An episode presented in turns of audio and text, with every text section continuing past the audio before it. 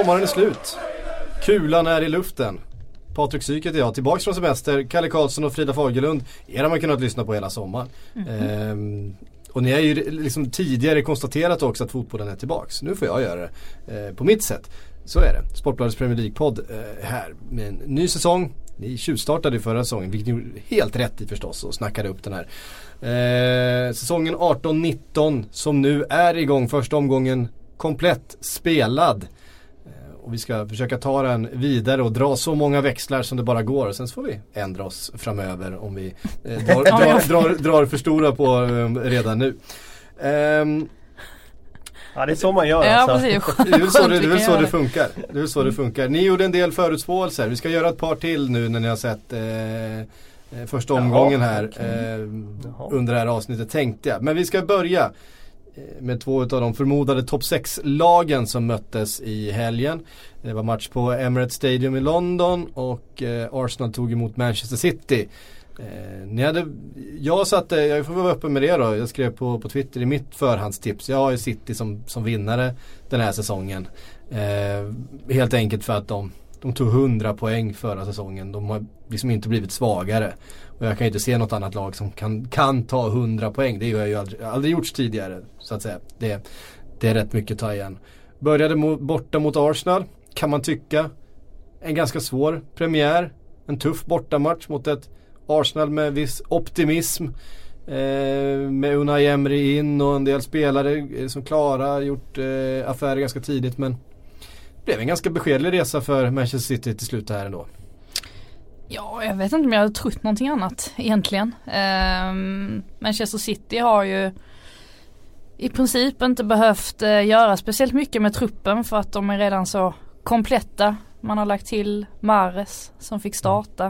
Eh, det är ju ingen dålig, dålig truppspelare att ha, ha med från start om man säger så. Eh, Mendy är på många sätt ett nyförvärv också. Det var kul att se honom eh, eh, äntligen i matchspel och tyckte det såg oerhört bra ut. Låg ju bakom båda målen väl. Mm. Till och med. Mm. Så att man får väl säga att han gjorde en bra debut som det ju på sätt och vis var. kul att se Bernardo Silva som fick en liten annorlunda roll men som klarade av den lite mer centralt då men som klarade av den eh, mycket bra. Så jag tycker väl inte i, eh, i Arsenals fall kanske man inte ska dra för höga växlar ändå av att man ställs mot just Manchester City. Eh, väldigt otacksamt jo att ha dem i, i premiären men också ganska förlåtligt ändå tror jag. Eh, på sikt så kan det säkert bli, bli bra ändå så småningom. Jag har inga, ingen tvekan om att Emery är en, är en skicklig tränare så får han bara lite mer tid så tror jag att det kommer se bra ut så småningom. Mm. Uh, Unai Emerys första laguttagning. Hur ser ni på den? En Matteo Guendouzi till exempel startar centralt. Det kanske han inte kommer göra så mycket i framtiden när en eh, Torreira får spela in sig lite mer och komma mer i matchform. Men eh, var ni förvånade över den uttagningen? Ja om man tittar på namnen ja men man vet ju inte hur de har bedömt Torreiras fysiska status och så vidare. Eh, så jag tycker nog, jag håller inte med dig om att det var en svår match för Manchester City på förhand. Utan jag tycker tvärtom att det var en väldigt tacksam match att få ett Arsenal som eh, kommer in med ny tränare, inte hunnit sätta saker på plats, inte har truppen riktigt på plats heller. Då kan man säga att Manchester City har inte det. Nej men de har också en väldigt väldig bredd som gör att de har råd att ha eh, Kevin De Bruyne och David Silva eh, utanför startuppställningen och ändå spela Bernardo Silva som precis kommer från att ha varit bäst på plan i Community Shield och eh, Mares som kommer in liksom från från Leicester som kostar 600 miljoner. Jag tycker det är sån enorm skillnad mellan de här två lagen. Det är inte en enda spelare i Arsenal som går in i Citys 11. Så jag tycker inte det var någon svår match. Jag tyckte tvärtom det var helt rätt läge att möta Arsenal på bortaplan. Eh, det hade varit konstigt om Emery hade satt så mycket på plats med ett så på pappret svagt Arsenal att de hade kunnat matcha City. Eh, Guendouzi, eh, ja, så har sett lite lovande ut på försäsongen i vissa moment. Så man ska komma ihåg att försäsongsmatcher är annorlunda än riktiga matcher för att det blir lite mer träningsmatchtempo. Motståndarna kommer inte in i press på samma sätt. Jag tycker att han har en del kvaliteter med boll.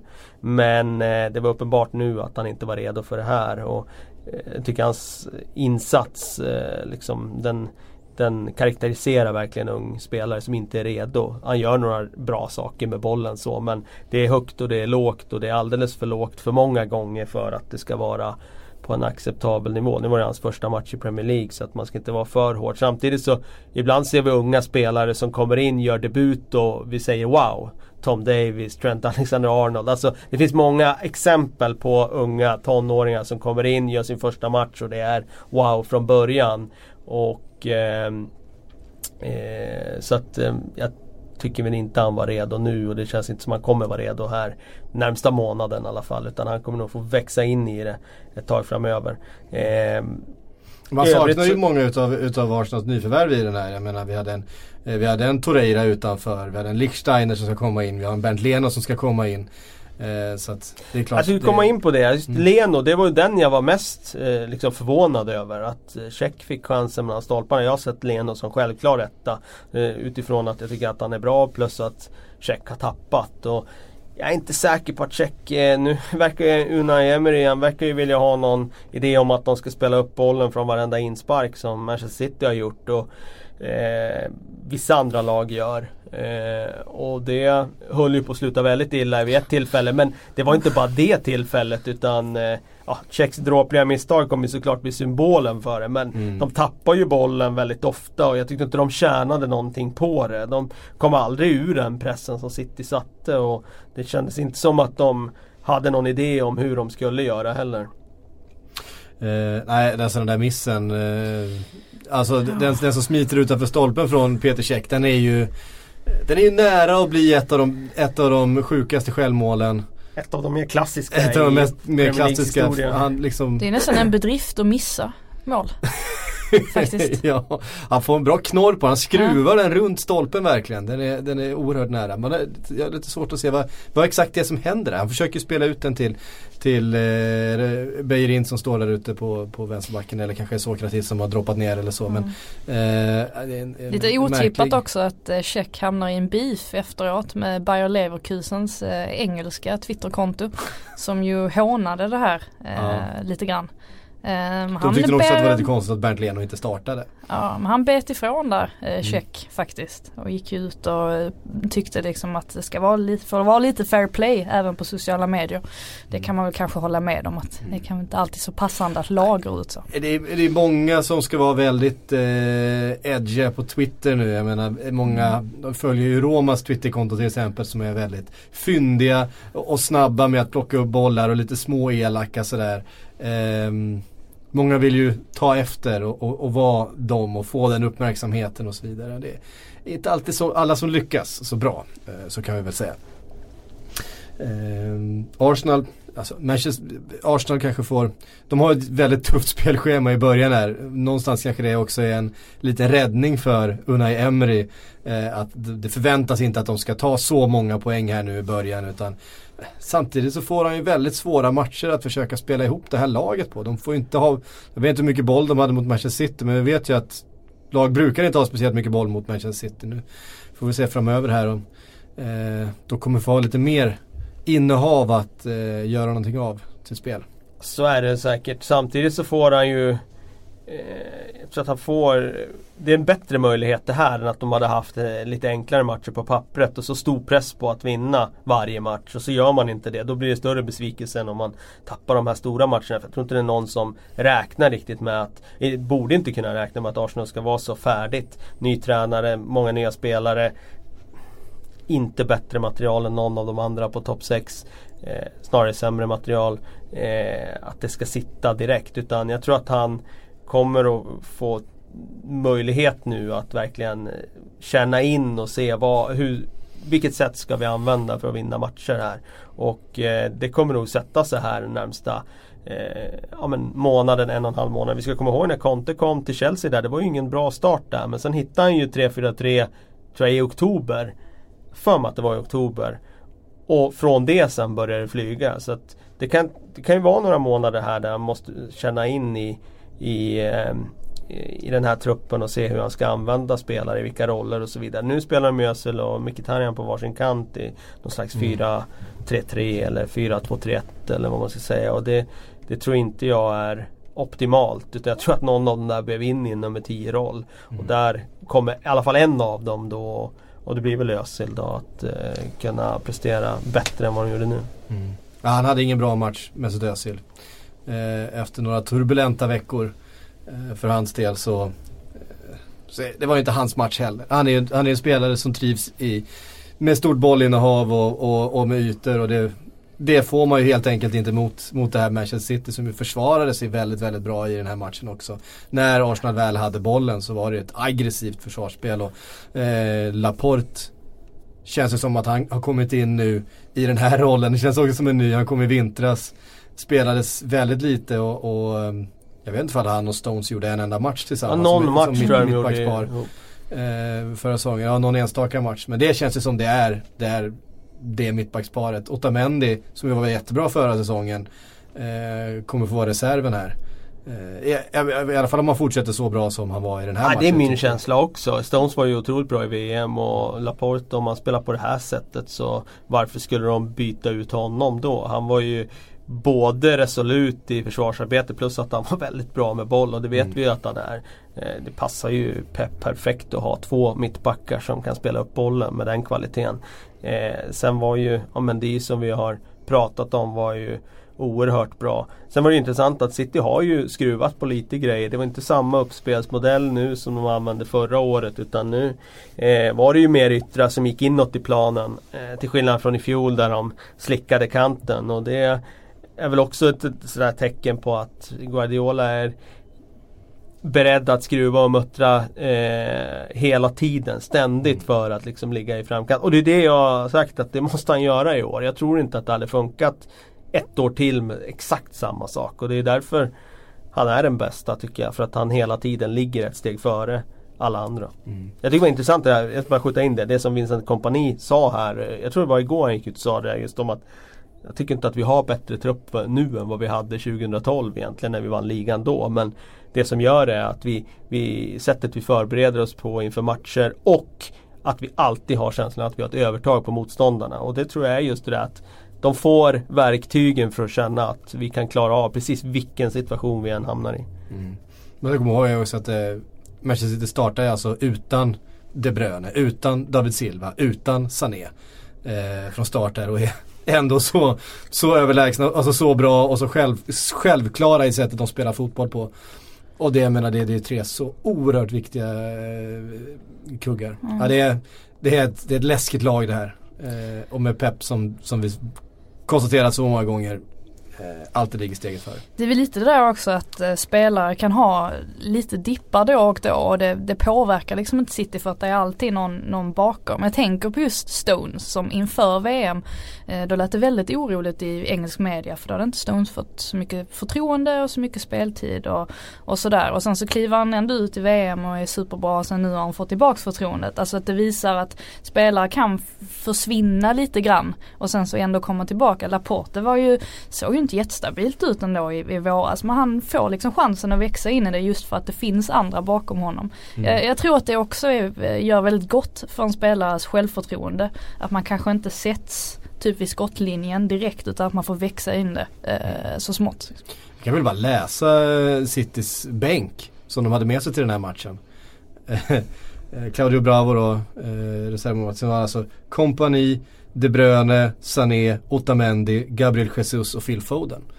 Eh, det är ju en bänk som, som startar i, ja, kanske med undantag för Phil Foden då som, som vill ha framtid mer än, mer än nutid. Men, men som startar i stort sett alla andra lag i ligan.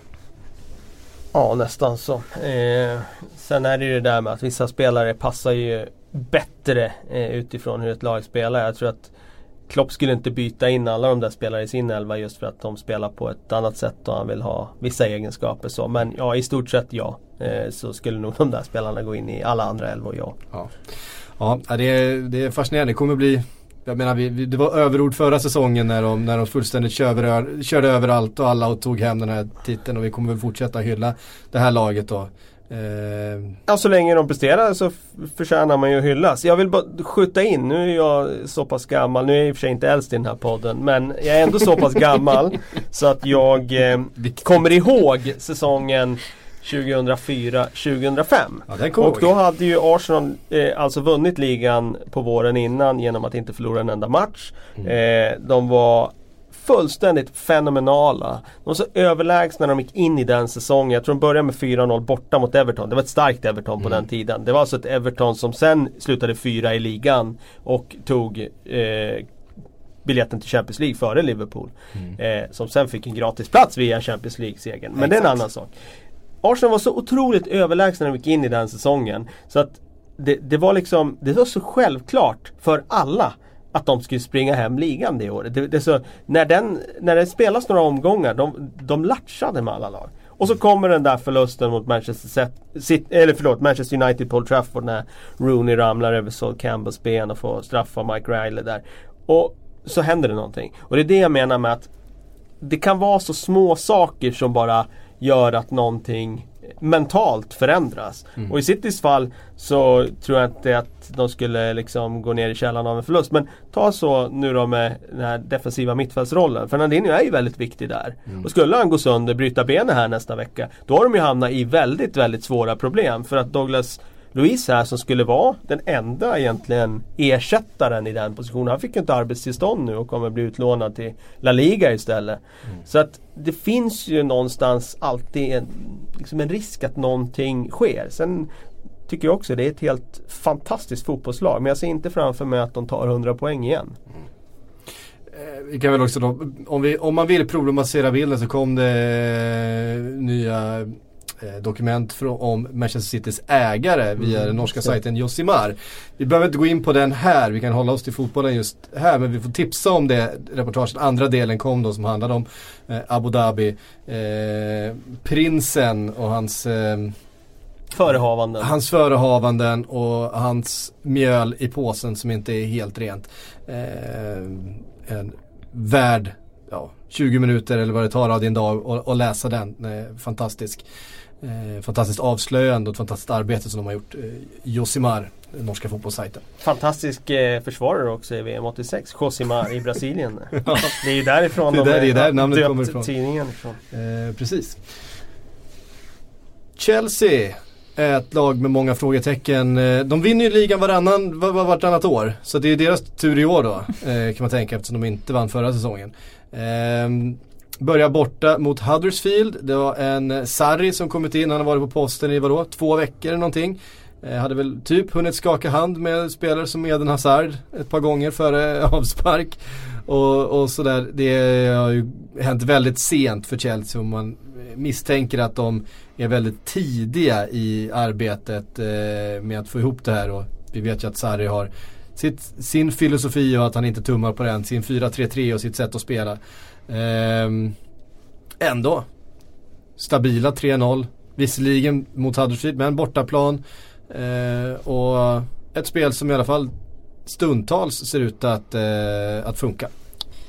Ja, det, det, det, första jag tog med mig av, eh, av eh, den förlusten då för Huddersfield det är att där kanske vi fick svaret på att Huddersfield inte kommer ha de här marginalerna på sin sida mot storlagen den här säsongen som man hade förra året. Det kändes som att det var precis i sådana här matcher som de liksom överraskade och, och plockade poäng ganska oväntat. Och nu fick man se att trots att Chelsea då hade det stundtals ganska svårt ändå att få till spelet så lyckas de ändå till slut vinna med, med 3-0. Jag tror att Huddersfield kommer få kämpa ganska rejält där nere i botten.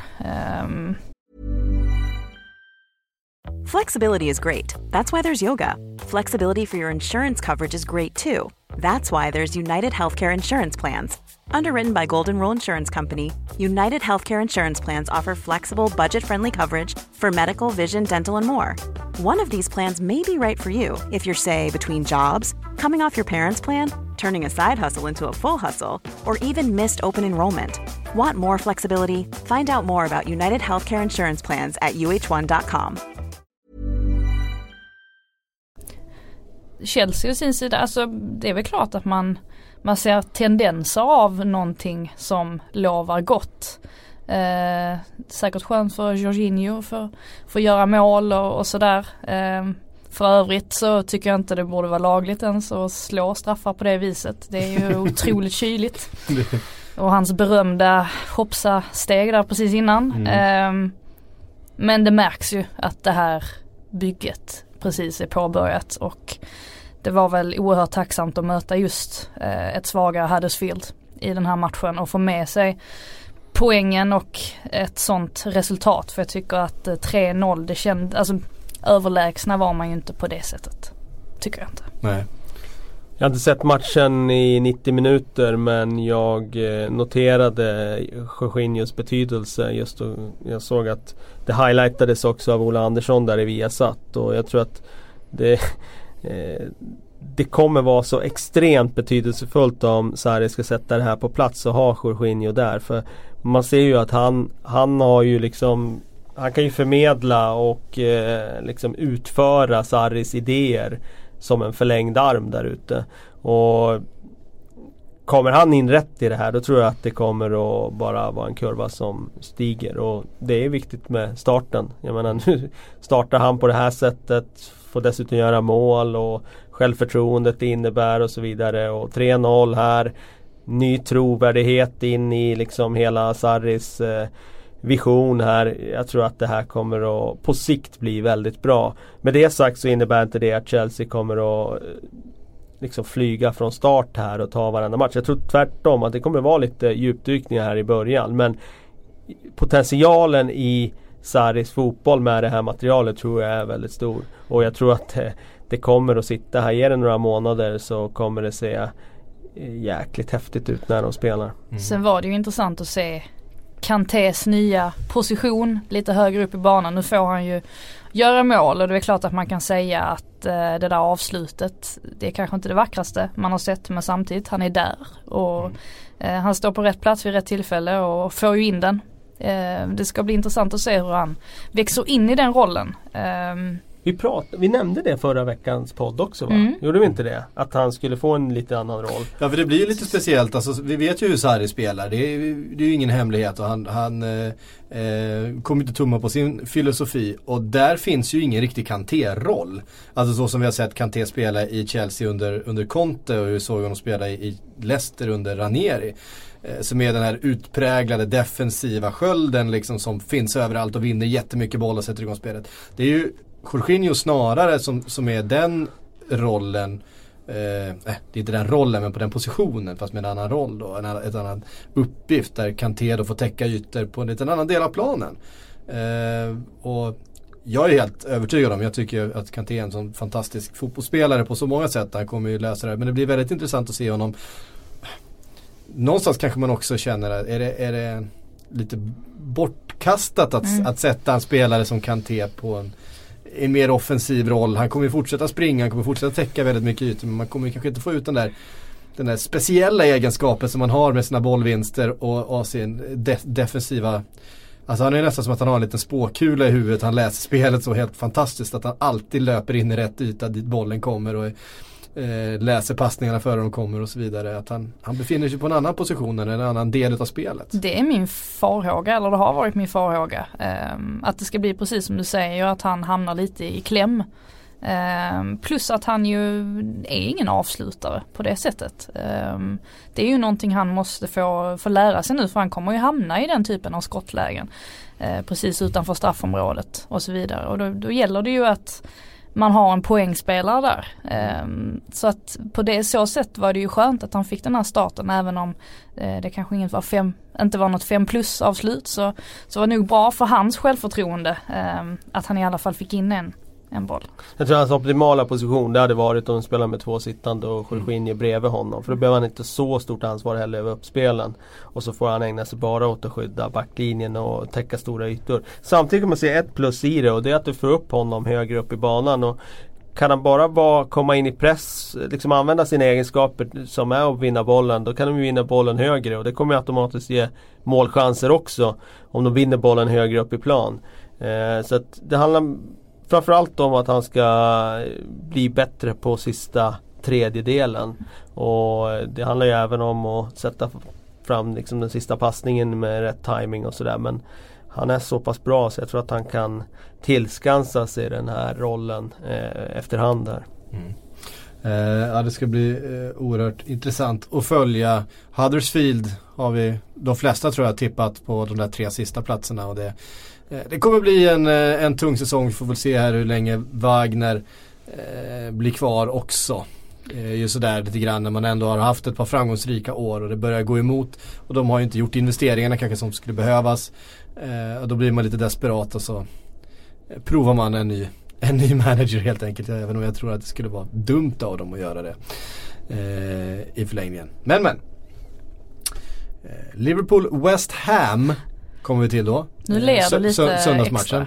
Eh, ja men det var ju en, en, eh, en för Liverpool-supportrar trevlig tillställning. Eh, det kändes väldigt mycket sådär som man hade hoppats att det skulle göra ju. Eh, med det här laget med Naby Keita som kommer in och är jättenyttig och jätteviktig och ser precis ut som den spelaren som man har förväntat sig och väntat på ett helt år och som han ju också har väntat ett helt år på att få vara på det här mittfältet. Eh, en Alisson som ju inte behöver göra sådär jättemycket. Eh, men gör det han ska och framförallt får igång spelet med sina fötter på ett annat sätt än vad eh, de andra målvakterna gjort. Så att det blir ännu högre tempo i, Eh, i de där uppspelen och det är redan ganska högt tempo. Alltså, jag vill bara skjuta in en liten grej där med Alissons fötter. Alltså, han har inte så mycket att göra i den här matchen. Men det han gör med fötterna i början av matchen sätter ju också nivån för eh, Dels blir det ett enormt förtroendekapital från Liverpools försvar. De ser att han löser situationerna. När han sätter ut den på på Andy Robertson tror jag han lägger ut en längre boll. Den sitter perfekt på honom. Han behöver bara fortsätta springa, bollen kommer på läppen på honom. Eh, det ger ju också bara den där tryggheten att okej, okay, du har en målvakt tillbaka, han kommer lösa det här. Plus att det också ger effekten att West Ham tappar ju liksom tron på sin press. Det är ingen idé. Mm. Spelar de hem bollen dit, vi kommer inte ta den i alla fall. Och bara det där, alltså det, han kanske har två, tre sådana aktioner max. Han behövde inte göra fler i den här första halvleken. Men bara det tycker jag sätter ribban nu och skickar signalen att mm, de som jagade framme de kommer inte ha lika stor liksom, eh, tro på att det ska gå att få bollen och bara det vinner man mycket på. Så att eh, ja, jag tyckte han behövde inte göra så mycket i den här matchen men bara den där första aktionerna var bara att okej okay, det, det, kommer vara en annan trygghet varje gång bollen är där nere runt eget straffområde och det ska spelas med fötterna. Mm. Jag är lite överväldigad av, eh, alltså man miss, visste ju att Naby Keita skulle säkert komma in i Liverpool och bidra. Men jag trodde inte att han skulle ha en sån här stor betydelse så här snabbt.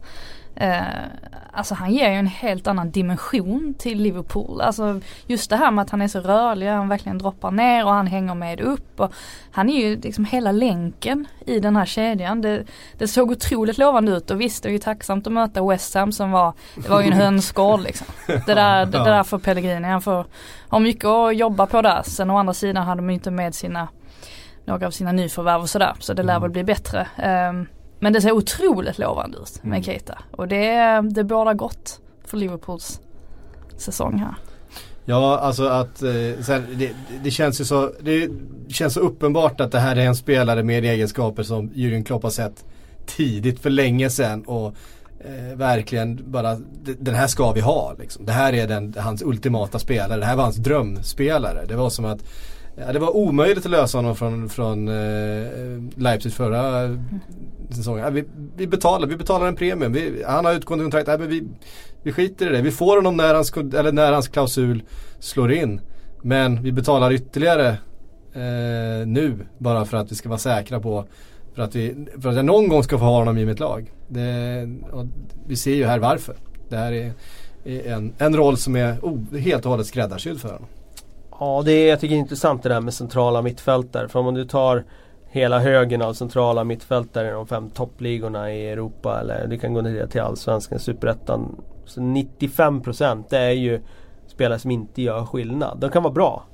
Eh, och det kan vara riktigt bra mittfältare. Men det är ganska sällan mittfältare har den där liksom spetsegenskapen att dels kunna gå förbi sina motståndare, täcka ytor, vinna bollen, fördela bollen. Det är så många grejer som man ska behärska där inne centralt. Och Många, som sagt, många har ju sina bästa spelare centralt. Men eftersom alla lag har sina bästa spelare där inne, då måste det till något speciellt för att liksom göra skillnad. Kanté gör ju skillnad, han täcker mer ytor än vad någon annan mittfältare gör. Mm. Naby Keita har ju spets i nästan alla de här delarna. Och alltså, bara få in den där rörligheten, att det liksom, det är tempo hela tiden i, i det han gör. Mottagningar, passningar och sen ny rörelse igen. Och den ser ut att orka liksom ta de där eh, nya löpningar hela tiden. Och, och vill framåt. Han vill, vill bara fram, framåt hela framåt tiden. hela tiden. Tänker framåt i passningar. Det blir inte de här alibispelen eh, i sidled hem till backlinjen när det inte behövs utan tanken hela tiden framåt. Tanken är hela tiden att eh, det går att gå förbi och skapa någonting. Alltså, ja, det är ju det är ju sån enorm skillnad mot det Liverpool tidigare har haft här inne. För det var ju en svaghet centralt mittfält. När de hade okej okay spelare. De hade ju alltså, bra till och med. Emre Can och Henderson. Men det är ju inte spelare som gör skillnad på den högsta nivå. Det här är ju en spelare som man kan se verkligen gör skillnad även i de riktigt tuffa matcherna. Och det, det är bara att konstatera att de gjorde ett kap när de säkrade honom förra sommaren. För han hade förmodligen i dagens marknad kostat ännu mer nu. Mm. Jag tycker han gör det vid, vid, eh, han ligger bakom det första målet. Eh, han gör det bra, han har ju så mycket yta. Man tycker, spela ut den på Robertson, spela ut den då. Men istället för så håller han i den, drar på sig bevakningen, så släpper han bollen istället där Robertson istället för att han ska ha bollen i, i kanten mot straffområdet, helt får den med, med en mycket enklare passning mm. Att han, han, läser anfalls, han läser anfallet så bra, bättre än vad jag gjorde i soffan kan jag säga. För jag tyckte släpp den och släpp den och sen så oh. blir passningen så jag, mycket mer avgörande istället. Jag vill dock skjuta in där tycker Ryan Fredericks, deras högerback i West Ham gör. Han värderar fel han, där. Han går bort sig För att han, det enda han behöver förskansa sig om där, det är att passningen inte går mellan honom och mittbacken. Och det gör han ju rätt i tanken från början. Men sen kommer han alldeles för långt in och så väntar han för länge innan han tar klivet ut mot Robertson. Så att han fick ju den där passningen lite gratis. Jag tror nog Patrik Syk hemma i Västervik hade klarat av att slå slagit den där passningen också faktiskt.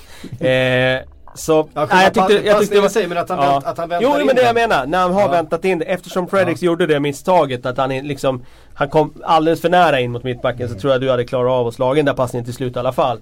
Eh, så jag håller med dig om att han gjorde det bra men eh, Fredriks gjorde det också lite sämre faktiskt. Ja. Eh, och två, två mål på Mané, ett på Salah och ett på Daniel Sturridge. Han kom in och bara satte en boll och sen gjorde han väl inte så mycket mer. Eh, det är det han gör.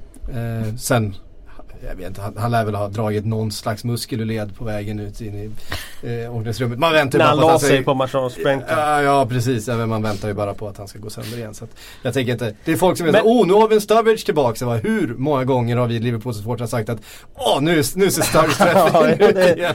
Men det, det var ändå intressant, jag läste där, han har ju lagt om väldigt mycket. Dels sin liksom träning så. Han Klopp har ju pratat om att han individualiserar träningen mer nu och det där tänket börjar nog komma in mer och mer. Jag tror att du går tillbaka 20-30 år bland trän tränarna då även på den högsta nivå så var det liksom att alla skulle göra allt. Mm. Medan det nu är liksom det nya tänket och alla de här portugiserna, Verheyen och det där det är ju mer liksom individualisera mer och mer. Eh, den ena spelaren kanske inte ska göra alla de här övningarna för att äh, den har andra förutsättningar för att klara av den belastningen till exempel. Eh, så nu sa ju Klopp där att han var ju öppen för att helt individualisera träningen för Sturridge. Sen hade han ju lagt om sin kost också. Han har ju käkat mycket spenat och sådana mm. där grejer nu. Så att... Eh, Lars, Rolander-diet. ja, så att eh, han... Eh, det, ja, de pekar i alla fall på att eh, liksom, han har gjort saker som kanske har lagt grunden för att hålla sig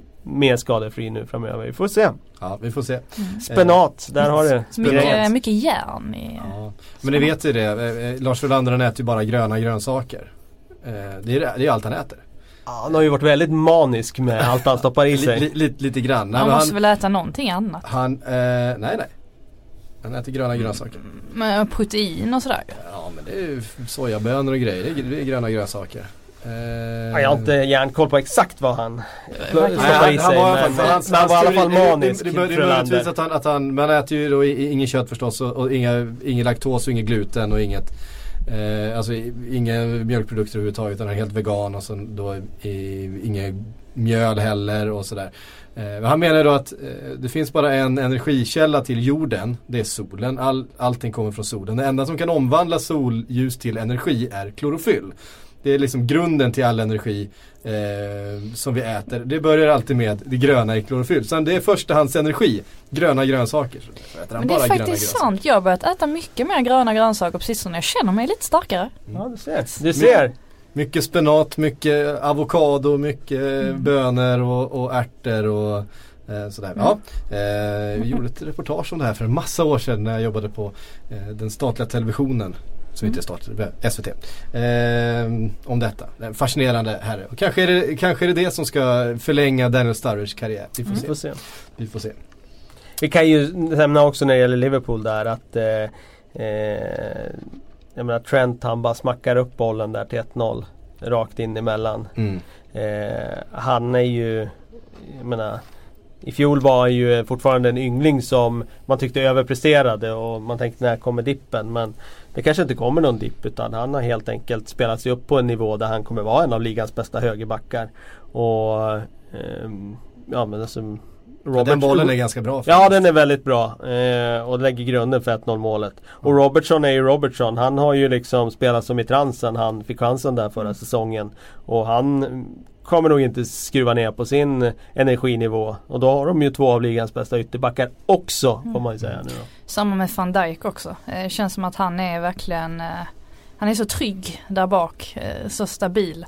För han hade ändå lite, alltså när han kom från Southampton, då vet jag att man hade, hade några misstag där på hösten som man tänkte lite extra på. Eh, som man kanske trodde att, ja men han, han kommer att göra någonting sånt. Men det är inte många misstag jag kan komma på att han har gjort i Liverpool. Det är inte många fötter han sätter fel ändå. Eh, det kommer ju bli oerhört betydelsefullt. För vi vet ju alla hur Liverpool tappade poäng förra säsongen innan han kom in. Mm. Mm. Ja, då, hur, hur, många nollor i rad har de på hemmaplan nu? Det kanske du har i huvudet? Är det 6-7? Uh, eh, jag, jag, vet inte. Ja det är något ja, sånt där. Ja, det är något ja, sånt, ja. ja. De förlorade ju inte en enda match på hemmaplan förra, hela förra säsongen. Nej. Och jag tror från det att han kom in så släppte de inte många bollar heller på hemmaplan. Nej. Så att eh, nej det är ett annat Liverpool nu. Och bara det där hur han Hur han skrek ut till, nu måste jag ha varit till Yttern som kom in där va? Måste det ha varit.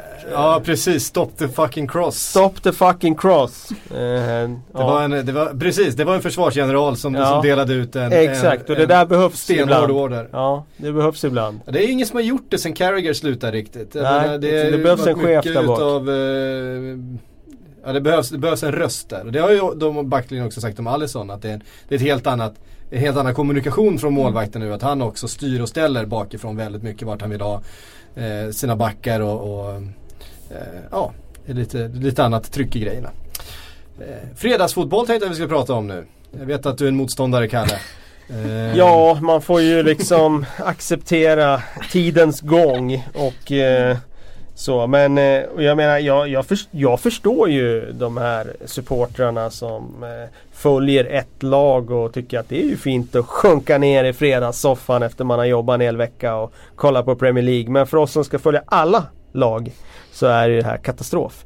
eh, eftersom fredagarna har varit en sån där eh, fin eh, ledig kväll. Mm. Men eh, ja, jag har ju blivit lite förvarnad också eftersom den här nymodigheten kom ju redan för två år sedan tror jag. Var ja, första de, gången. Ja, och då var det inte så många matcher. Då var det typ en sån match. Och sen det var, var inte så många förra säsongen heller. Nej det var inte så många förra. Ja precis. Sådär. Eh, det var det väl liksom en förvarning om att det skulle bli fler. Eh, så att jag har ju ändå förstått att det är dit vi rör oss. Och I en framtid så kanske det är så att eh, omgången är utspridd på alla veckans sju dagar. Vem vet. Mm. Jag har inte stört så mycket av det tidigare men i fredags så var mina icke fotbollsintresserade vänner inte helt nöjda med att jag tog med mig iPaden till, till förfesten. Det var liksom inte, det var inte så socialt tyckte de. Men mm. vad ska man göra? Ja. Man måste vara ju tvungen att se den. Ja så är det ju för att det var ju den matchen som sparkade igång hela kalaset. Eh, Manchester United mot Leicester. Eh, Harry Maguire-derbyt eh, var det ju nära att bli. Eh, nu lämnade han aldrig. Eh, och det blev aldrig någon, eh, någon ny mittback för Manchester United. Istället fick vi se eh, Victor Nilsson Lindelöf från start tillsammans med Erik Bailly. Eh, som ju många har flaggat för ska vara det bästa mittbacksparet eh, utav de alternativen som de har. Eh, skötte sig väl eh, bra. Ja det tycker jag. Ja, Erik Bailly vet vi är, är ju en klassback när han är, är, är hel. Absolut, men jag blir lite irriterad på att det i engelsk media har blivit någon sorts sanning att eh, Lindelöf eh, inte riktigt räcker till. Det känns som att de, de bestämde sig för det för, för ett år sedan och de vägrar helt att släppa på det. Så att även om det var ganska fina betyg i engelsk media efter matchen till Lindelöf så, så märker man ändå att där är ju en liten liten, de måste lägga till någon kritik på slutet. Um, och så, så känns det, det känns som att det kommer ta oerhört lång tid innan de helt släpper sin skepsism gentemot uh, honom. Eh, annars håller jag med. Är, det där är ju inte helt ovanligt. Det har vi sett från må många spelare som fått kämpa länge för att eh, eh, de där märkliga frågetecknen inte ska... Ja. Men jag håller med. Jag tycker att eh, Alltså Bergi och, och, och Lindelöf är det bästa mittbacksparet som United har. Um, och jag tycker att Bergi är en jätte i sig men jag tror även att liksom i landslaget så, så är Lindelöf eh, väldigt bra på att samarbeta. Uh, han samarbetar oerhört väl med Granqvist Ehm, i landslaget och han samarbetar oerhört väl här med, med Bashir. Jag tror han är en sån som kan eh, Han kan ta på sig ledarrollen och, och liksom skrika ut kommandon om det behövs. Men han är samtidigt väldigt bra tror jag också på att eh, sälla sig eh, till den andra. Och Bashir är väl lite mer den här mittbacksgeneralen i det fallet. Eh, så att jag tror att de kommer funka utmärkt bredvid varandra resten av säsongen. För jag tror att Mourinhos tanke är att de två är, ska starta. Eh, två målskyttar i Manchester United, eh, Paul Pogba och Luke Shaw. Eh, Mourinho är ju ett geni. Han har ju, han har ju, han har ju filat med på sitt eget sätt till dem, eh, att plocka fram sin spets när, när eh, säsongen drar igång. Han, det, det, är piskan snarare än moroten. Ja, jag tror man, man, återigen det här med hur man startar det är viktigt. Eh, Kommer ihåg när Cristiano Ronaldo kom tillbaka efter VM 2006 där och han hade eh, fått Wayne Rooney utvisad som det sades i alla fall och som det målades upp i de engelska tidningarna. Och det var ju mycket snack den sommaren då om att de inte skulle kunna spela tillsammans igen och sen sparkar ligan igång och de mötte Fulham hemma och Rooney spelar fram Ronaldo till ett av målen och sen var alla glada och nöjda och, och sen vann de ligan det året. Alltså hur saker och ting, alltså en bra start ger ofta en skjuts framåt och det kommer definitivt göra det i relationen Mourinho-Pogba nu sprang runt med lagkaptensbindeln, gör en bra match, gör mål. Eh, var ju den här härföraren i den här matchen och liksom den här eh, Pogba som vi såg i VM som har mm. stora kvaliteter som kan göra skillnad i, i matcherna. Och, eh, att sen Luxor då som också har varit ja, minst sagt i frysboxen hos José Mourinho nu startar eh, får göra mål. Sitt första seniormål för Var väldigt bra i den här matchen tycker jag. Var väldigt bra och ja, det, det kan vara, alltså det går fort att vända en karriär om ibland och det kan vara så att det var här det tog fart igen för Luke Shaws del. Mm. Så positiv match för Manchester United om man tittar på resultatet och att de här två spelarna eh, gjorde bra ifrån sig och blev matchvinnare. Och att de klarade av den här matchen som Mourinho har målat upp som så eh, väldigt jobbig utifrån deras förutsättningar, långa skadelistan och spelare som kommer tillbaka från VM och så vidare. Du, du ler Frida? Nej men det finns ju alltid någon bortförklaring. det, så är det ju. Sen är, han kanske smart på det sättet också och hittar alla de här bortförklaringarna på förhand så att han, han kan stå för dem sen efteråt om det skulle gå dåligt samtidigt som de framstår som enorma om de faktiskt vinner. Så att det är ju jättebra Jättebra. Ja, han, är ju, han är ju ett geni när det handlar om att försöka styra budskap. Det är han ju väldigt, väldigt skicklig på. Det kommer jag aldrig någonsin ta ifrån honom. Och han, det, det, det, går absolut att hävda att, att det var en svår match för Manchester United utifrån att de hade sina truppproblem här och ganska eh, Och Leicester som ser ganska, eh, liksom, de, de är stabila ju. Det, ja, det är ett bra, ju, lag. Det är ett bra lag. Det är ett liksom. bra lag som i och för sig också hade sina problem med Vardy som inte var fit för att starta och så vidare. Men eh, jag är imponerad av Leicester faktiskt. De ser ut som ett gediget lag och det, det skulle förvåna mig om de inte slutar topp 8 eh, med det där laget. Trots att de har tappat Mares. Madison tycker jag var riktigt intressant mm. och jag hoppas att han får göra lite poäng framöver också. För det räcker inte att bara springa runt och vända bort någon på mitten ibland och göra någon bra aktion utan det måste mynna ut i mål och assist också. Så jag mm. hoppas han hittar den effektiviteten. Det var ju rätt nära, det var en fin räddning mm. utav de Gea. Ja precis. Det har vi ju också vant oss vid att eh, även när det var inte så många chanser som Leicester ändå fick. Jag tycker även de stod upp bra i spelet och på mittfältet tycker jag det var ganska jämnt. Eh, stundtals mellan lagen men, men man såg också att, att Uniteds försvar fungerade i den här matchen med, med Bailly och med det är faktiskt Darmian och Luke Shaw som kanske inte har varit första val de senaste säsongerna här. Eh, och då tycker jag ändå Darmian var skakig alltså. Ja. Framförallt början av matchen. Jag tyckte inte den var bra alls. Eh, där har de ju såklart en brist. Och vi får se om Ashley Young kommer tillbaka och tar den där högerbacksplatsen. Mm. Ja, de saknar ju Valencia som Verkligen. är väldigt, väldigt bra där. Och Dalot, eh, nyförvärvet just det, just det. som är skadad en månad till. Jag tror mycket på honom och jag tror framförallt att han kommer i alla fall vara framför Darmian i, i kön till startelvan. Mm. Men alltså, det var ändå inte så många lägen de, de bjöd ja. på Manchester United. De gjorde gjorde det väldigt bra och, och slet hårt också defensivt eh, mittfältet. Men när de väl får chanserna då, då, då står han ju där, de Gea.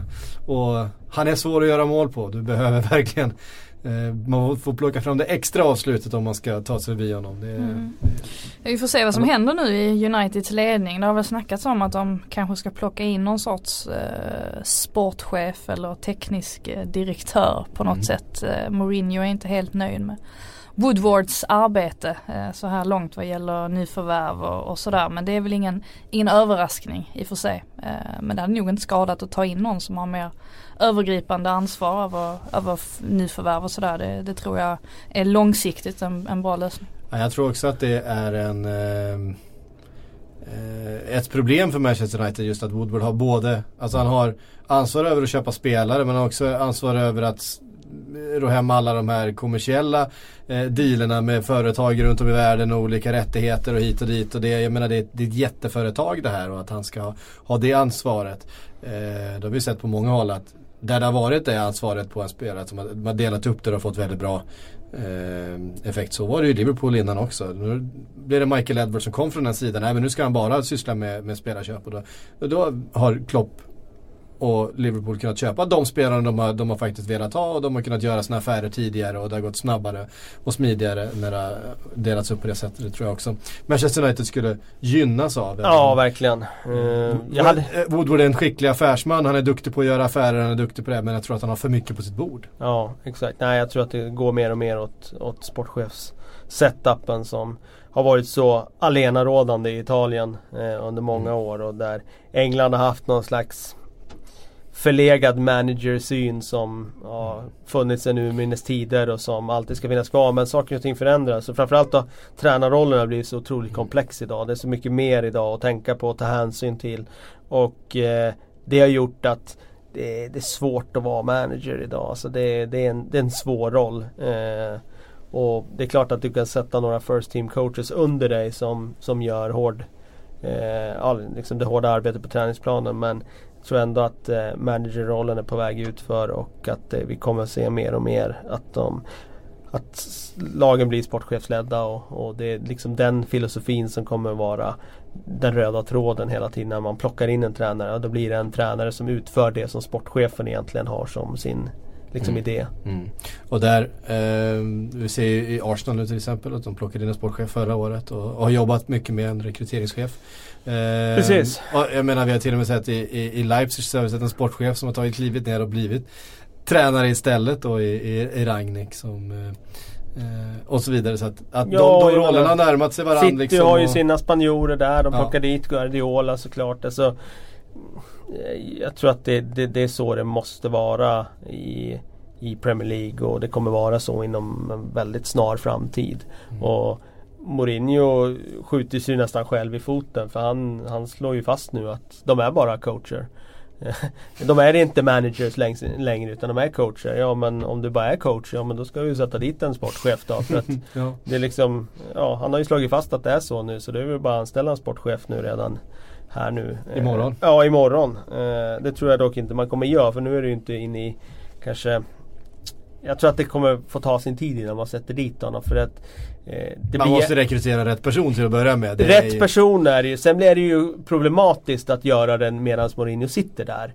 Eh, det, det, det, det, blir ju så. Alltså det, det är klart att det kan bli enorma... Fel, fel person där vet du och så skär med Mourinho direkt och då... Exakt, det är det jag menar. att Den dagen Mourinho går då kanske det är två personer som kommer in istället. Mm. En sportchef plus en tränare. Eller en sportchef som får då tillsätta en tränare. Och jag har ju slagit fast att Mourinho kommer att lämna här. Eh, ja, inom sinom tid. Mm. Eh, så att vi får se. Blir Zidane och ja. någon annan. Mm. ja okej. Okay. Zidane som sportchef då eller som Nej, tränare? jag tror han vill, tränare. han vill mm. stå längs sidlinjen. Ja, okay, ja. Mm. Okay. Vem har du sportchef då? Jag vet inte. Det borde ju rimligtvis vara någon eh, som han kommer bra överens med. Som han kan eh... Mm, så som Ryan Giggs sportchef då och eh, Zidane under. Mm. Ja, kanske det. Varför inte? Jag har ju jag har flaggat upp för att jag, jag tycker att man kan tycka vad man vill om att eh, Old Trafford förväntar sig en viss typ av fotboll, att det ska vara offensivt och det ska vara Theatre of Dreams och så vidare. Men jag har ju sagt att Simeone eh, tillsammans med Manchester United, det blir någon slags monster utav det som kommer vara oerhört svårt för alla andra att, att hantera. Eh, med alla de resurserna, med sättet och intensiteten som han kommer med och sin filosofi. Eh, och trycket som är där, det blir, eh, det blir någonting, någonting tungt för alla motståndare att hantera. Det, ja, jag, jag tror på den kombinationen. Så tror jag inte att det kommer bli så men, men det är, jag vet inte, det är någonting jag ser, ser framför mig som, som eh, någonting nästan ondskefullt över. Så, så, så tungt skulle det vara. Um, ett par nyförvärv, eller ett nyförvärv såg vi i Manchester United, Fred. Mm. Eh, gjorde en helt okej. Okay debut för sitt nya lag. Ja, jag skulle säga att han är lite en eh, Naby Keita light. Eh, alltså det är samma typ av eh, rörlighet och liksom vill ha bollen och vill spela framåt och kan skapa grejer för att han är kvick och snabb, kan ta sig förbi en spelare och det är liksom snabba aktioner. Eh, har inte riktigt hela paketet som Keita har ännu men jag tror att det blir eh, ett tillskott på ett mittfält som saknade just det där tempot i fjol. Eh, det var för mycket det där, det går segt och Matic ska komma och hämta bollen. Liksom, eh, han är bra Matic, han gör vissa saker jättebra men det blir ändå ett spel i ultrarapid medan när Keita och Fred det är liksom det är kvickare spelare. De tar emot, de levererar, de går. Eh, så att jag tror att eh, Fred också på sikt här kommer att bli ett tillskott för Manchester United och sen får de ju också in eh, ett annat, en annan roll för Pogba eh, nu. Och det tror jag är liksom nyckeln för att få ut det mesta av honom. Vi pratade mm. om det hela förra säsongen att han ska ha den där Juventus-rollen. Och jag tror att nu med, med Fred där och med ja, vem som nu får den defensiva rollen på mittfältet. Det är säkert Pereira i vissa matcher. Eh, och Matic i vissa matcher. Då, då kommer de få ut mer av Pogba också. Fred har ju, han har ganska hett eh, temperament. Ja, han kunde dragit på sig ett par eh, kort där under matchens gång som mm. han, han, han klarade sig lite lindrigt undan vid ett par tillfällen. Han får nog eh, håll, försöka hålla det i schack lite grann under säsongen. Annars känns det som att det är en spelare som nog kan dra på sig någon utvisning mm. här och där. Mm. Att det kan bli så. Jag tror också att motståndare ser det lite grann. Eh, tittar man på mm. sådana att det här är en spelare som eh, har nära till känslorna. Eh, kanske man är där och skaver lite Eh, lite extra också. Så kan det vara. Sen kanske han var lite övertänd också med debut på Old ja, Trafford och så exakt. vidare. Det, eh, kan hända den bästa. Pereira var ju faktiskt den bästa på mittfältet. Ja, eh, Pereira har gjort en väldigt stark försäsong. Ja. Eh, och... Man har suttit och väntat på honom alltså. Ja, han har många år. Ja, det blir, blir väl ingen utlåning den här eh, Nej säsongen. det blir det inte. Det blir det verkligen inte. Eh, han kommer vara kvar nu. Mm. Eh, han blev ju till och med hyllad av José Mourinho här och det var ju Till och med. Ja men alltså Mourinho det, ja, det är inte alltid han Nej. lyfter fram enskilda spelare och när han gör det brukar det alltid vara någon agenda bakom. Då är det Scott McTominay som är liksom mm. hans soldat och som han vill lyfta fram. Och, och, årets, och, årets spelare? Eh, ja, ja, precis, exakt. Årets spelare ja. Eh, så det, det är liksom när han väl ge beröm till Luke Shaw som han gjorde efter den här matchen. Han ja. väl ge beröm till Pereira som inte är Mourinhos spelartyp på något sätt. Då är ju det ändå att man eh, höjer lite på ögonbrynen. Jag tyckte han var eh, riktigt fin Pereira. Alltså han har, hans grundteknik när han slår sina bredsidor det är, det är bland det bästa jag sett någonsin. Eh, det är samma mjuka fötter som Xavi hade. Det är liksom ja, det är så sammetslent när han liksom trycker till bollen med bredsidan. Och det slås med helt perfekt hårdhet, perfekt liksom timing hela tiden. Och det, ja, det, då får man ofta igång rytmen på, Som på mittfältet. liksom. Ja men lite så. Bernhard Langer, kommer du ihåg han? Puttspecialisten på golftouren. Ja, Han var det inte han som hade den konstiga putten? Nej det var inte han som hade Nej, jag tror inte han hade hakputt. Mm. Det var ju ingen dålig eh, frispark Pereira slog heller under försäsongen. Där visar Ja, han ju verkligen vad, vad han kan. Ett litet eh, sidospår också just med Mourinho det här att han försvarar spelare. Kommer ni ihåg när han försvarade Lukaku gentemot kritikerna innan kritiken hade kommit? han är inte dum. Han börjar innan. Jag vet vad ni kommer säga och då tänker jag säga så här så, så, styr, så styr vi konversationen Ja det var helt enormt för att han hade ju rätt. Några matcher senare så kom ju kritiken så att han började i tid. Han är, han, Han är ett är, han är briljant. Får också säga det om den här upplagan utav Manchester United att eh, det är väldigt mycket egna produkter och att de får, har fått ut mer än vad något av de andra topp 6-lagen eh, ja, kanske tillsammans med Spurs då utav sin egen akademi. Om vi tittar Ja, på eh, det är Rashford, och det är Lingard, det är McTominay, Pogba ska ju också räknas in där. Ja. Eh, Och Pereira. Och Pereira. Mm. Ehm, nej, de har ju eh, fått utväxling då av sådana som Pogba och Pereira som har plockat in tidigt skede från utlandet då. Och sen eh, Rashford, eh, McTominay eh, gått hela vägen. Det är klart att det är häftigt då att det kommer upp sådana fortfarande i de här superklubbarna som Mm. dammsuger hela världen efter Mm. talang. Ehm, Och Lingard Verkligen. hade ju lite mer krokig väg innan han kom in. Det var det. Men Jo, också att ja, han absolut. gick ju i många utlåningar innan han etablerade sig. Mm. Eh, men det är värt att säga det om det här Manchester United faktiskt. Då. Den kritiken som ofta, varit mot just eh, Mourinho att han inte ger unga chansen. Att det är liksom omöjligt att slå sig fram under han, i hans regi och så vidare. Det eh, har han ju faktiskt eh, visat att det går att göra även under eh, José Mourinho. Epp, epp, epp. Eh, Newcastle tog emot Spurs precis som man gjorde förra säsongen. I öppningsmatchen. Mm. Blev en ganska jämn historia till slut och, och Newcastle-sportrarna måste gräma sig lite grann där att t- eh, vad heter han? Rondon? Eh, ja, inte Rondon, nu tänker jag på eh, Chelsea-lånet. Kennedy. Mm. Kennedy inte får ordning på fötterna. Han som var så bra matchen igenom men när han får friläget så, så fumlar han eh, när han ska kvittera den här matchen. Mm. Det var inte mycket som gick eh, Newcastles väg direkt. Rondon hade ju en boll i ribban. Var det Mm. väl? Ett avslut i ribban. Ehm, samtidigt som eh, Tottenham fick, fick stor utdelning. Ehm, jag har nästan glömt bort matchen inser jag när jag eh, tänker tillbaka nu. Eh, det var ingen match som, som gjorde speciellt stort avtryck. Själv var jag i Valbo och eh, tittade på en division 2 match när den här utspelade sig. Sen plockade jag såklart upp en repris då eh, och eh, kollade men jag har inte sett hela. Dock eh, noterar jag att Newcastle hade ju rätt mycket chanser i den här Mm. matchen. Eh, och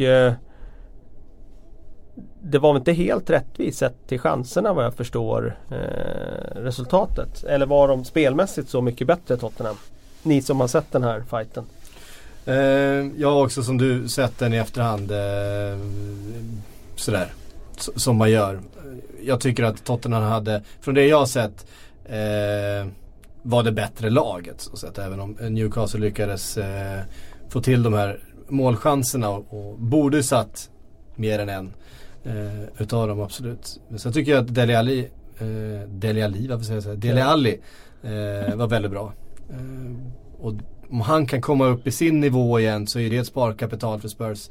Jämfört med vad han hade förra året när han faktiskt var väldigt dålig. Alltså jag tyckte han var dålig i perioder. Alltså han kom inte alls upp. Man förväntar sig att han ska vara eh, en av de här kreativa nycklarna på det mittfältet. Och, och det tyckte han var i den här matchen eh, stundtals. Och sen så gör ju, det har ju nästan blivit ett Dele Alli mål. Att smyga upp och bort till stolpen och, och nicka in den. Vi har ju sett honom göra det i ligan. Han gjorde det tyvärr då mot Sverige i VM och så gjorde han det mot eh, Newcastle eh, i helgen. Ja, han gjorde ju två mot Chelsea på det sättet. Mm. det, du minns Mm. framförallt från ligan. Men ja, jag håller med. Det är lite specialitet från honom. Sen var det väl Orie av alla människor som, som slog stod för inlägget, ja. den här gången. Vi får se om han eh, spelar till sig tillräckligt med förtroendekapital för att starta framför Trippier här de närmsta veckan här och kommande veckorna. Men där finns det ju också eh, sparkapital för Tottenhams del. Sen spelar de i fyrbackslinjen nu. Vi får se hur Pochettino tänker kring det där. Om man vill ha flexibiliteten fortfarande och hatta mellan eller om man kommer sätta en fyra på plats. Och i så fall hur den fyran ser ut. Om det är eh, Sanchez då som, som får ge vika för det här belgiska samkörda mittbacksparet eller om om det är Alderfereld. Jag har ju svårt att se att Fertongen hamnar på bänken. Han känns ju som den mest givna av de tre. Mm. Eh, så men eh, vi får se. Känslan är väl att Pochettino kommer att eh, utgå från eh, motstånd och eh, variera. Mm. Mm. Tyckte eh, Diame gjorde en eh, väldigt fin match ändå i Newcastle. Mm. Han, han, hade en boll i stolpen också va? Mm. Var det så? Och eh, vad, vad kraftfull han är och vad fint han vänder upp. Eh, så att det, det båda gott för Newcastle för att på pappret var man inte helt övertygad om att de skulle kunna eh, Man tänkte att de nog skulle harva lite längre ner mm. i, i tabellen vilket de Kanske, kanske kommer förmodligen göra kommer göra men det såg ändå ljusare ut. Det var väl Shelby som tyvär var lite lite, lite off i han matchen. Kom, han kommer ibland att ge den här säsongen också. Sågar du Shelby? Det är som att svära i kyrkan hos Patrik Syk. Ja, han, kämpar, han hade lite alltså, kämpigt. Alltså, man, får, man får absolut såga, såga Shelby, bara man gör det med kärlek. Ja, okay. ja, det Däremot, men det gjorde du. Ja men absolut. Ja. Däremot eh, Rondon, eh, jag tycker det, det märktes ganska tydligt när han kom in. Eh, att han bidrar med ja. en alltså, enorm styrka. Han är så vansinnigt stark alltså. Ja, han är tung alltså. Vilket, kraftpaket. Ja, jag har ju sagt att jag tror att det är spelaren som gör att Newcastle slipper liksom blicka neråt mot liksom nedflyttningsstriden. Att de får in den tyngden där framme. För när de startar den här matchen då är det Jose Perez och det är José Lu där framme. Och vi vet att det är ingen av de spelarna som kommer att liksom bära laget på det sättet. Jose Perez hade väl någon period där han gjorde det, fyra matcher i rad där någon gång. Jag minns inte hur länge sedan det är. Det är väl ett år sedan eller om det är till och med ett och ett halvt år sedan. Men eh, Rondon känns ändå som en sån där spelare som skulle kunna gå in och bära offensiven. Och sen han har Kennedy som kan leverera på ena kanten och Matt Ritchie som har en jättefin fot mm. på andra kanten. Då tror jag att eh, Ja, jag tror att han kan göra några mål där. Jag, det är också en förhoppning för jag har alltid gillat Rondalen. Sen han, var han har inte gjort så mycket mål sen han kom eh, till Premier League. Men Nej. han har gjort mycket mål tidigare i karriären. Så vi vet ju att han kan. Han vann väl ryska skytteligan va? Ja det kanske han gjorde. Säsongen, det säsongen före han kom till eh, Premier League. Han eh, gjorde i alla fall en massa mål i, massa mål i Malaga gjorde han i alla fall. Ja, och eh, eh, som sagt det var nog inte lätt att göra mål i West Bromwich. Eh, det kommer vara lättare här. Ja. Eh, var också de har ju börjat säsongen som de brukar göra, Newcastle-supportrarna genom att eh, protestera då mot eh, mm. Eh, Mike Ashley. Man hade, och det är bara att titta på investeringarna. Vet du vilka de tre dyraste eh, värvningarna i Newcastles historia är? Kan det där? Som de har Alltså med tanke, på, med tanke på hur, hur eh, liksom marknaden har utvecklats, hur intäkterna har ökat, hur, mm. med pengarna som, som nu cirkulerar i fotbollen. De tre Newcastles tre dyraste värvningar genom tiderna. Säg inte att Atsu var... Nej. Nej. Den dyraste värvningen genom tiderna för Newcastle är alltså Peter Beardsley. Michael, Michael Owen eh, från, från 2005-2006. Den näst dyraste spelaren eh, genom tiderna är Alan Shearer från 96-97. Eh, och den tredje är alltså Al Albert Lucke. Eh, ja, från Deportivo La Coruña. för för 14 yes. år sedan. Ja. Eh, eller 13 år sedan. Ja. Det säger någonting om Mike Ashleys... Eh, det säger väldigt, vara... väldigt mycket om Mike Ashley. Jag skojar förstås när jag sa Peter Beardsley. Han värvades ju i början av 90-talet. Eh, Albert Lucke vill jag dock säga. Det, han var ju glödhet då i Deportivo. Och då var det ju en jättevärvning att betala, betala 100, 180 miljoner Det eh, föll inte så väl ut kan jag skjuta in. Och eh, visst att Alan Shearer var en av världens dyraste spelare. Då, var, han var världens till och med dyraste spelare då va? Varit. Eh, precis, då, bara någon månad tror jag. Sen så var det någon, någon värvning. Eh, Zidane eller någon annan som köpte senare. Eh, men, vara... men, men ändå, jag menar så som det har utvecklats. Alla lag som har varit i, i närheten av Premier League har slagit sina transferrekord den här eller förra sommaren. Därför att det är bara så spelarna kostar nu. Eh, och en klubb som Newcastle som ändå har en självbild, som har en, en arena som tar vadå 60 000 åskådare. Eh, de har en region som är stor, de har massor med pengar i, från tv-avtal från Premier League. Och de lånar fortfarande in spelare, de betalar de köper spelare gratis eh, på Bosman och så vidare och Benitez har också uttryckt sin frustration. Ja, men Ashley ska ju också kunna överleva ju. Ja precis. Eh, han har sin kassako. Mm. Det är mm. så det är. Det är, så det är. Um, Kommer vi till den roligaste matchen nu? Den roligaste matchen, Everton-Wolves. Ja. Är det den du tänker på? Yes. Du vill prata Richarlison. Jag tänkte vi skulle prata om de, eh, nykomlingarna. Eh, vi börjar väl med den då. Mm. Eh, två mål av eh, Eh, den som så många, eh, prislappen som så många hånat då på Richarlison. Eh, men jävlar nu såg han sådär fin ut igen som han gjorde i början för Watford också också en sån där spelare som nog borde bli lite bättre på att hålla sina känslor i, i styr. Han har en liten tendens ändå att uh, han, är, han hade lika gärna kunnat åka ut i den matchen om det inte hade gått hans väg sen. Uh, efter det där första gula kortet. Uh, och det vet ju försvararna om och det såg man också att de, de utnyttjar lite grann att han är lite lynnig i humöret. Mm. men ja, han täppte till Eh, munnarna på ganska många där direkt som har hånat och sagt att han har inte gjort ett, ett poäng sen i, sen i höstas. Eh, två mål känns som en ganska, ganska bra start för övrigt i en match som var oerhört svängig.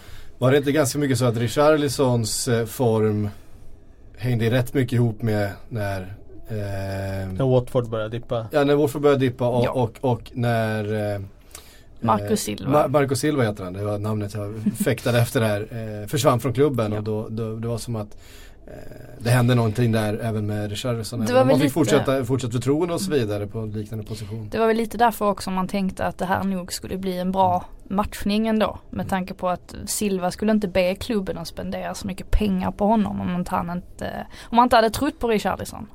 Um, och det, det, såg man ju här också vilken, vilken skillnad han gjorde i, i Everton. Eh, som nog hade vunnit den matchen om det inte hade varit för eh, eh utvisningen. Eh, ja. Som ju ställde till det en del. Men det är också sådär om man startar med Jagielka 2018 då är ja, det var ju väldigt mycket rött kort i alla fall. Det var det. Då är ju risken att sånt här händer för att Jagielka ska ju inte starta för Everton 2018. Nej, och han inte är 2017 inte, heller. Nej, precis. Det var ju några säsonger sedan han var tillräckligt bra för att spela Premier League-fotboll. Det kommer ju in nya mittbackar nu. Ja, och jag tror att Marcus Silva inte, inte kan vänta på att få in några andra mittbackar. Nu, nu kommer ju Det var nog det sista vi såg. Nej, precis. Det var nog det sista vi såg av honom mm. Eh, den här ja, det hösten kanske. Det kan väl bli tre matcher på den där va? Kan det mm. nog bli ja. Ja, det är ju direkt rött kort. Det är direkt rött kort så då är det ju tre matcher Ja, det är inte säkert. De sätter väl, de fastslår väl det va? I panelen. Ja, hur många matcher det. det ska vara. Eh, nej men eh, jag tycker faktiskt Michael Keane såg okej okay ut nu. Mm. Så vi får se här nu då om Jeremina eller Kutsuma eller vem det är som mm. eh, dansar in där som partner till nästa match. Jag tror Keane blir kvar nästa match i alla fall. Mm. Och sen får vi se. Sen kommer det nog vara upp till de där tre att avgöra med sina prestationer vem det är som ska få förtroendet och leda backlinjen där. Eh, men tittar man på Evertons trupp nu så tycker jag den är riktigt intressant. Som, som, precis som du säger Frida, alltså den här matchen slängde ju Jagielka bort. De hade ju den under kontroll tycker jag i det läget. Och jag tror att de hade eh, ett par riktigt, riktigt bra lägen att stänga den också. Där får de skylla sig själva. De hade omställningslägen som de slarvade bort och riktigt bra lägen att verkligen sätta det där 2-0 målet. Gjorde inte det och sen ja, kom ju Wolves in i det hela. Eh, men tittar man på truppen, det, det är intressant nu. Mm. Alltså nu har de en Cenk Tosun tycker jag såg, såg jättefin ut också. Ja och sen Richarlison på det som mm. en riktigt bra kant och sen har de fått in de här mittbackarna nu. Pickford mm. är ju stärkt av VM och mm. liksom Även om han är inte tillräckligt lång i, i din bok så han, var, så han, var, han var, lite kort på, på första målet där. Det var han faktiskt. Ja. eh, så nej, det, det, det, känns ändå intressant. Ja, mm. ja det gör det. Och sen fick ju Dingen också komma in. Det är mm. ju en sån som säkert också kommer kunna bidra väldigt mycket mm. eh, till, till det laget. Och, sen, och Coleman fick de inte använda så mycket i fjol. Han är ju tillbaka. Nej, ja, precis. Ja, jag hoppas också att, man, att de kommer få användning mer av Ademola Lokman som ja. jag tycker är en väldigt, väldigt spännande spelare. Vi såg ju hur bra han var i Bundesliga när han lånades ut dit för, förra säsongen. Nu är väl risken då att han inte kommer få lika mycket chanser. Han ska konkurrera med Richarlison till exempel då va. Mm. Uh, Man får ändå säga också att Tosun, alltså nu syntes han inte så mycket i den här matchen men det kändes som han jobbade väldigt mycket i det tysta också. Han tog mycket av grovarbetet. Just, och det gynnade ju Richarlison oerhört mycket. Alltså, som hamnade, som jag kunde koncentrera sig på att vara där framme vid, vid målet. Så det känns som att det samarbetet fungerade väldigt väl också. Mm. Eh, vi går vidare, Fan, klockan springer ifrån oss här. Det är, det är fantastiskt att vara tillbaks. Eh, det blir ett jättelångt avsnitt där, det, det bjuder vi på. Vi måste bara säga också om Wolves att eh, Ruben Neves är en, det, en Dels att han är bra och plus att en som inte såg bra ut det var ju Willy Bully. Nej. Det var länge sedan jag såg en eh, spelare göra en sån bedrövlig insats som mm. han gjorde. Han, får, han får steppa upp sitt game. Alltså. Eh, verkligen, så tycker jag Moutinho var väldigt bra också eh, i perioder och han, han är ju så jävla trygg med bollen, Moutinho. Alltså de där passningarna han slår och eh, han, han, han blir knappt, eh, det är inte så att han får eh, se nervös ut när de ligger på honom, man måste hålla ifrån och hålla i bollen och det blir trångt och sådär. Han ser precis lika cool ut hela tiden. Men, ja. men Ruben Neves är ju är ju för bra. Jag gissar att det var ganska många fantasy och Premier Manager 11 som plötsligt eh, adderades med hans eh, fot. För ja. den, det där är ju en poängfot som kommer att leverera på fasta situationer framöver. Det, det ska gudarna veta. Ja. Och jag menar, såg man bara någonting av vad han gjorde i Championship förra säsongen. Svåra jävla Championship som det är. Vi har sett bra spelare göra dåliga, mm. dåliga säsonger i förut. Så ser man, han var ju liksom axlar och huvud bättre än alla andra i den där. Sen med det sagt så var det ju ett oerhört slarvigt Wolves som slog bort passning mm. efter passning efter passning. Det var nästan smärtsamt att titta på. Och eh, jag tror att en av, eh, man pratar om Neves och sådär men jag tror att deras viktigaste spelare den här säsongen det kommer nog bli Rui Patricio ändå som var stabil rakt igenom. Det märks att det är en klassmålvakt. Jag ja, tror de behöver det. Alltså. Mm. Eh, sista matchen jag tänkte vi skulle ta upp här. Fulham, Crystal Palace, nykomlingen Fulham. Eh, åkte på pumpen hemma på Craven Cottage. Möter ju Roy. ja precis. De är lite sådana Fulham ju. Det ska ju vara eh, artigt och, och, fint och inte så. Då får man ju ändå bjussa en gammal, eh, en gammal hjälte då som Roy fortfarande hyllad utav läktarna där från sin tid i klubben. Men ja, bjöd ju på lite för mycket i den här matchen kan jag tycka. De har investerat stort, tungt. Eh, Jean-Michel Seri till exempel. Eh, såg helt okej okay ut. Men han kan ju inte göra allt. Eh, Ryan Sessegnon kommer också ha en, en tillvänjningsperiod till Premier League jämfört med att spela i Championship. Det, det tror jag vi kan vara överens om också. Eh, men det är ett Fulham som vi tror kommer reda ut de här frågetecknen under säsongens gång eller? Ja, jag tror det. Jag har ju tippat dem på övre halvan. Eh, jag tror att de kommer att växa in i det hela. Mm. Och sen får vi se hur lång tid det tar. Men eh, jag tror att de kommer inte hålla till i alla fall på de fyra, fem sista platserna. Nej. Um, Crystal Palace då? Benteke ja. var inne och, och, och, röjde igen och såg ganska het ut. Eh, av det jag har sett, nu har jag inte tittat på, på matchen mer än i eh, liksom match of the day format. Men eh, jag står fast vid att de kommer, eh, de kommer komma högt upp. Jag bara sa, jag 7-8, 6 jag, jag har sagt det om 95% ja, av alla lag i Premier League för sig. Men de... Alla utom Huddersfield, det är 7-8. och Cardiff. Och Cardiff.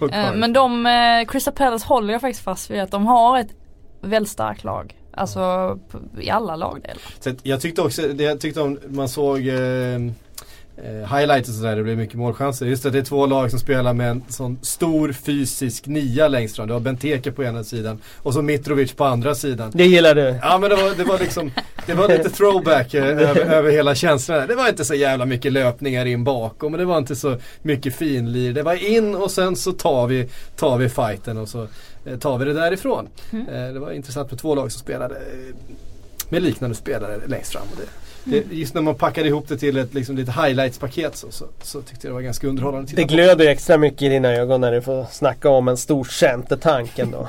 ja, så är, det. Eh, så är det. Och Frida nämnde Crystal Palace utan att nämna Sörlott. Det var, det var lite... Det var lite... Jag glömde bort honom. Jag... Han hoppade in ändå. Ja. Fick ett inhopp. Och, och Wilfried Zaha kan vi konstatera igen kommer vara den viktigaste ja. spelaren för Crystal Palace den här säsongen. Verkligen. Eh, Ja, det är knappt så att vi hinner med några frågor nu. Klockan har sprungit ifrån oss Ah, vi kör i premiärpodd, det är Ja. bara att köra. Vi dundrar på med några stycken Kör en timme till. Nej jag måste Nej, jag skojar, jag skojar. Eh, Spagg skriver, är det här Shaws säsong? Kan han ha upp till den potentialen han såg ut att ha innan benbrottet? Jag är tveksam om han når den nivån för då tyckte jag han var ruskigt bra där före sitt benbrott. Då hade han ett tempo i spelet och han hade eh, fart som jag inte ser idag. Däremot tyckte jag att han gjorde en bra match här och jag tror att han kan ta den där eh, ordinarie tröjan. Och det skulle vara ett bra första steg för hans del eftersom karriären har varit så pass dyster de senaste tre åren. Mm. Ehm, Thomas Nygren skriver, vad tror ni är anledningen till att flera av topplagen värvat väldigt sparsamt i sommar? Eh, lagen strax bakom har ju värvat flitigt, eh, rusande övergångssummor som ställer till det.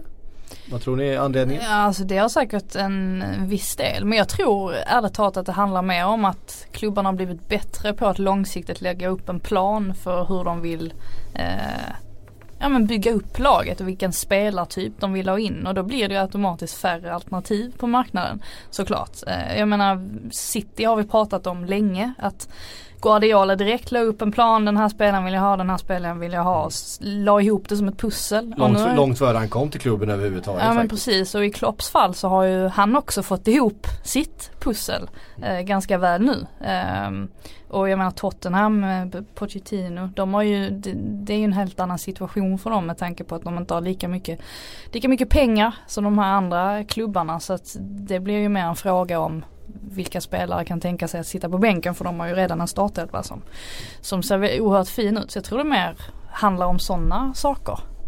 Eh, att man kanske har blivit lite bättre på att eh, scouta exakt vad man vill ha. Mm. Um. Uh, ja, Måns Johansson skriver Hur ska Chelsea ställa upp sitt anfall? Morata, Giroud eller Hazard i Mertens-rollen? Eh, ja, ska man tro att Serry fortsätter på inslaget spår så är det väl nästan det sistnämnda va? Ja, vi får se. Det beror på tror jag om Morata eh, levererar. Giroud tror jag inte på som någon slags startman i Sarri. Eh, han vill nog ha lite mer rörlighet där framme. Men eh, levererar Morata och hittar målet då kan jag se honom som nia.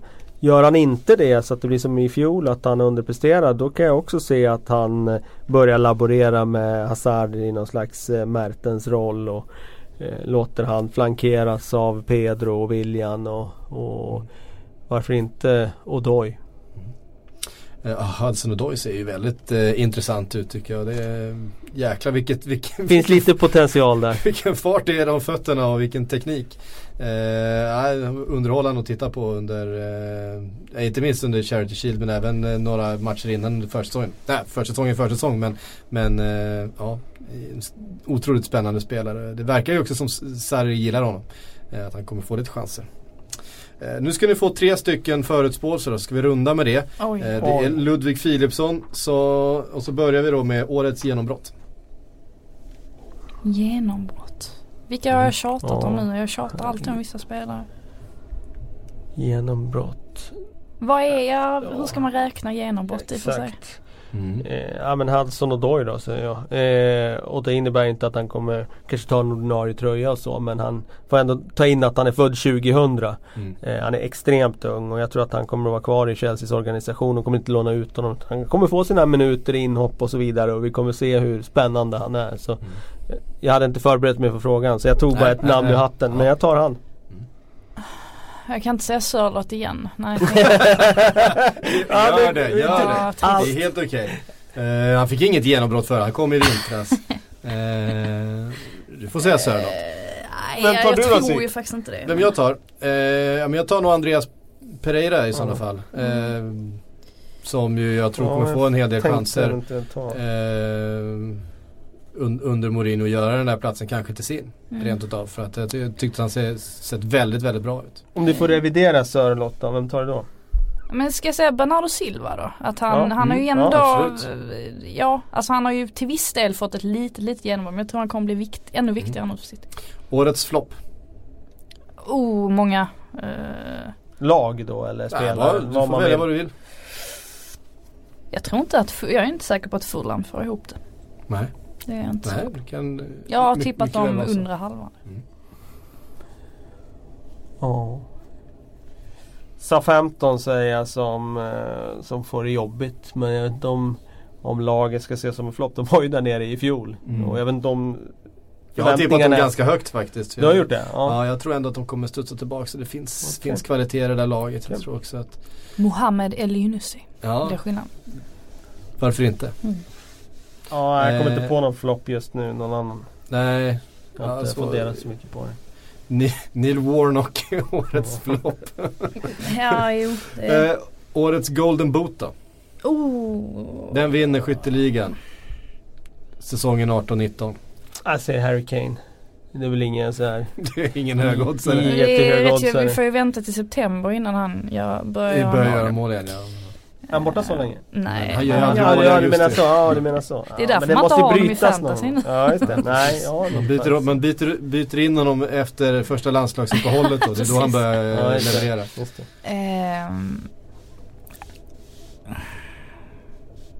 Det finns inte så många att välja på. ska jag då till, alltså grejer jag, jag hade egentligen kunnat ta. Mohamed Salah. Sörlott. Nej men eh, om man tänker, eh, om man ska se tillbaks, liksom, man, han kommer få många chanser att göra mål och sådär. Men jag tror nog att det är större chans ändå att, med tanke på Richarlisons start här nu, att det är han som kommer göra målen i Everton.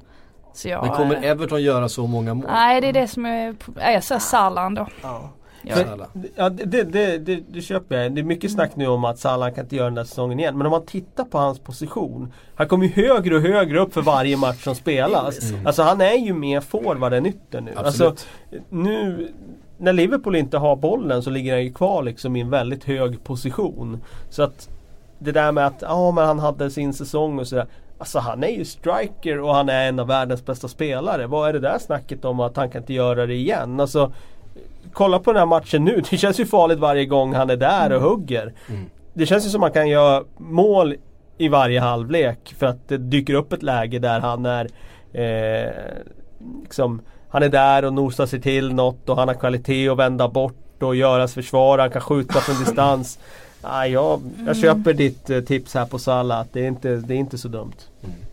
Ehm, ja, jag säger Agüero då bara för att och jag visste det. A- jag bara kände jag, det. man säger, jag tror jag alltid har sagt Agüero men man Han gör ju mål i varenda match han spelar. Ja men Fråg- spelar frågan- han hela tiden då? Exakt, det är det. frå- frågan är ju- Jesus kommer är ju ju hur varvas in mot honom. hur, hur, hur många matcher han spelar men eh, eh, Spelar han 40 matcher totalt den här säsongen. Ja men säg, eh, nu pratar vi ligan då. Säg- Spelar han 30 matcher i ligan. Vilket han väl aldrig har gjort. Ja, han har legat där runt där. Men han brukar göra ett hattrick då och då ju. Ja men han gör ju typ ett mål per match. Och då gör han ju 30 mål. Om man spelar, om man spelar 30 matcher. Eh, så då, det brukar man ju vinna skytteliga på. Det är klart att Salah gjorde 35 förra säsongen. Han kanske gör så här 27 den här då. Eh, ja men då vinner Agüero. Mm. Ehm, Mm. Så, ja. det, är de, det är de vanliga. Det är, de, det är väl de tre, de tre med lägst odds på i, Ja, i ligan. Det, Det kan nog inte vara någon annan. Det tror jag. Eh, vem som skulle lä- lägga sig i det. Nej. Ja, där har ni det. Det första avsnittet för min del och det andra för den här säsongen. Eh, Nu är vi igång. Sportbladets. Sportbladets Premier League-podd. Det är kul att ni har lyssnat. Det är kul att vi har pratat och vi hörs om en vecka igen.